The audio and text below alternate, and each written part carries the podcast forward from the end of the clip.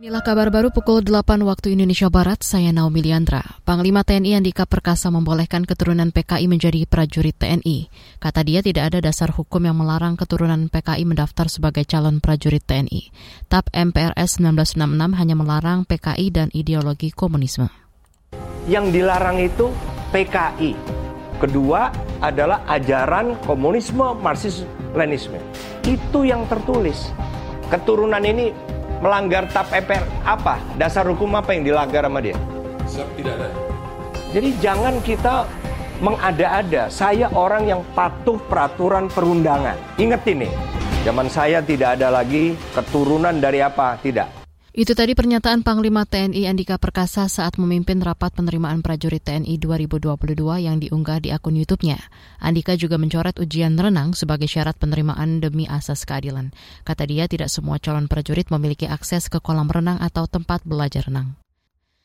Menteri Keuangan Sri Mulyani menyatakan kondisi ekonomi politik global seperti konflik Rusia dan Ukraina mempengaruhi situasi dalam negeri. Imbasnya mulai dari kenaikan harga komoditas, suku bunga dunia hingga inflasi. Dan ini tentu akan mempengaruhi kemampuan kita di dalam menjaga pelayanan.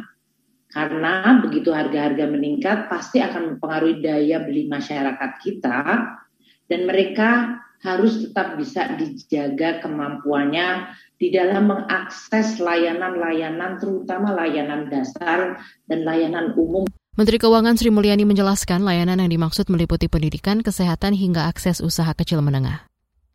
Intelijen Amerika Serikat mengklaim Presiden Rusia Vladimir Putin tak mendapat informasi sebenarnya tentang situasi terkini invasi di Ukraina. Dikutip dari CNN, klaim itu muncul saat pasukan Rusia dikabarkan makin kewalahan dan mengalami kemunduran di Ukraina. Amerika menuturkan para pejabat senior Rusia terlalu takut melaporkan apa yang sebenarnya terjadi di lapangan kepada Putin. Menteri Luar Negeri Amerika Antony Blinken dan intelijen Inggris juga mengisyaratkan kesimpulan yang sama tentang Putin. Saudara, demikian kabar baru KBR. Saya Naomi Liandra undur diri.